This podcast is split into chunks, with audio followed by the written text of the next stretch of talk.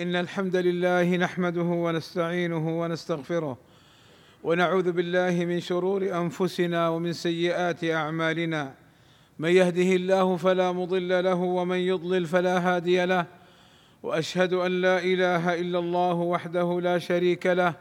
وأشهد أن محمدا عبده ورسوله. يا أيها الذين آمنوا اتقوا الله حق تقاته ولا تموتن إلا وأنتم مسلمون. يا أيها الناس اتقوا ربكم الذي خلقكم من نفس واحدة وخلق منها زوجها وبث منهما رجالا. وبث منهما رجالا كثيرا واتقوا الله الذي تساءلون به والأرحام. إن الله كان عليكم رقيبا. إن أصدق الكلام كلام الله وخير الهدى هدى محمد صلى الله عليه وسلم وشر الأمور محدثاتها وكل محدثة بدعة وكل بدعة ضلالة وكل ضلالة في النار. أما بعد فحق الزوج كبير. قال النبي صلى الله عليه وسلم لا تؤذي امرأة زوجها في الدنيا إلا قالت زوجته من الحور العين لا تؤذيه قاتلك الله فإنما هو عندك دخيل يوشك أن يفارقك إلينا.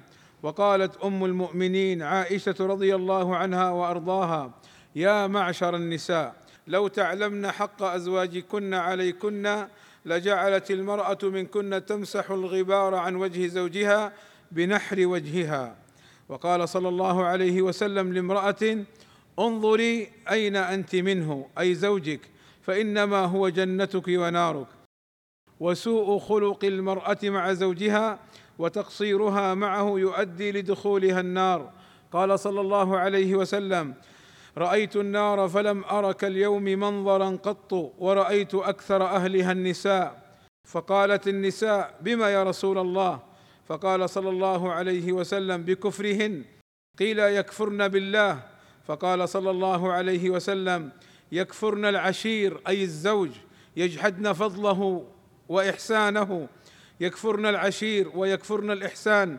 لو أحسنت إلى إحداهن الدهر ثم رأت منك شيئا أي شيئا من التقصير. قالت والله ما رأيت منك خيرا قط.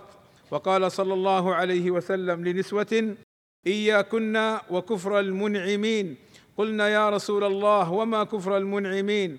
فقال صلى الله عليه وسلم لعل إحداكن تطول أيمتها أي عدم زواجها في بيت أهلها لعل إحداكن تطول أيمتها من أبويها ثم يرزقها الله زوجا ويرزقها منها ولدا فتغضب الغضبة فتكفر فتقول ما رأيت منك خيرا قط. فدل الحديث على خطورة الأمر.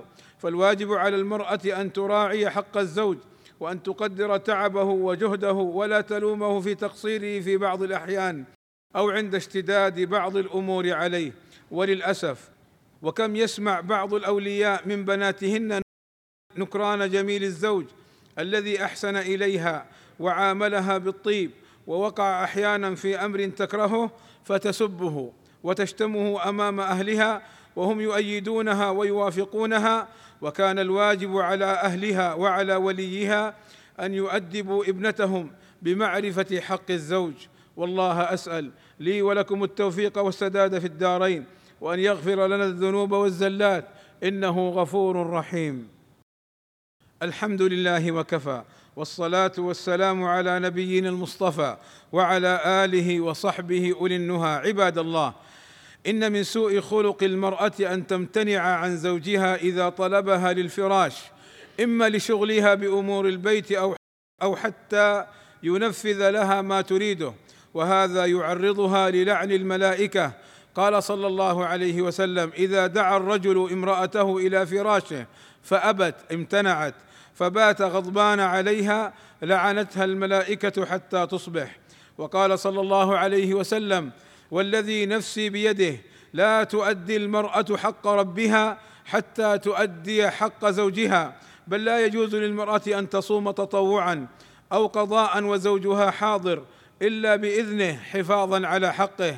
قال صلى الله عليه وسلم لا يحل للمرأة أن تصوم وزوجها شاهد إلا بإذنه ولا تأذن في بيته إلا بإذنه وبعض النساء تهتم بالعبادة ولا تهتم بزوجها وهي لا تعلم أن أداءها واهتمامها بحق زوجها من العبادة. فعلموا نساءكم شرع الله وعلموهن السنة فهي الخير والنعيم والسعادة.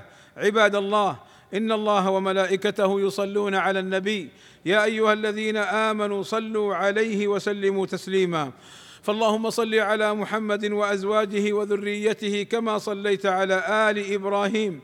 وبارك على محمد وأزواجه وذريته كما باركت على آل إبراهيم إنك حميد مجيد. وارض اللهم عن الخلفاء الراشدين أبي بكر وعمر وعثمان وعلي وعن جميع أصحاب النبي صلى الله عليه وسلم والتابعين لهم بإحسان وعنا معهم بمنك وكرمك يا أكرم الأكرمين. اللهم أتنا في الدنيا حسنة وفي الآخرة حسنة وقنا عذاب النار.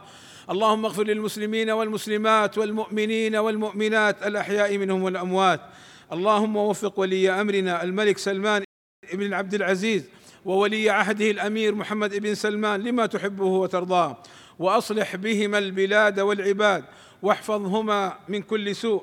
اللهم أيدهما بتأييدك ووفقهما بتوفيقك وأعز بهما الإسلام والمسلمين. والصلاة والسلام على المبعوث رحمة للعالمين. والحمد لله رب العالمين.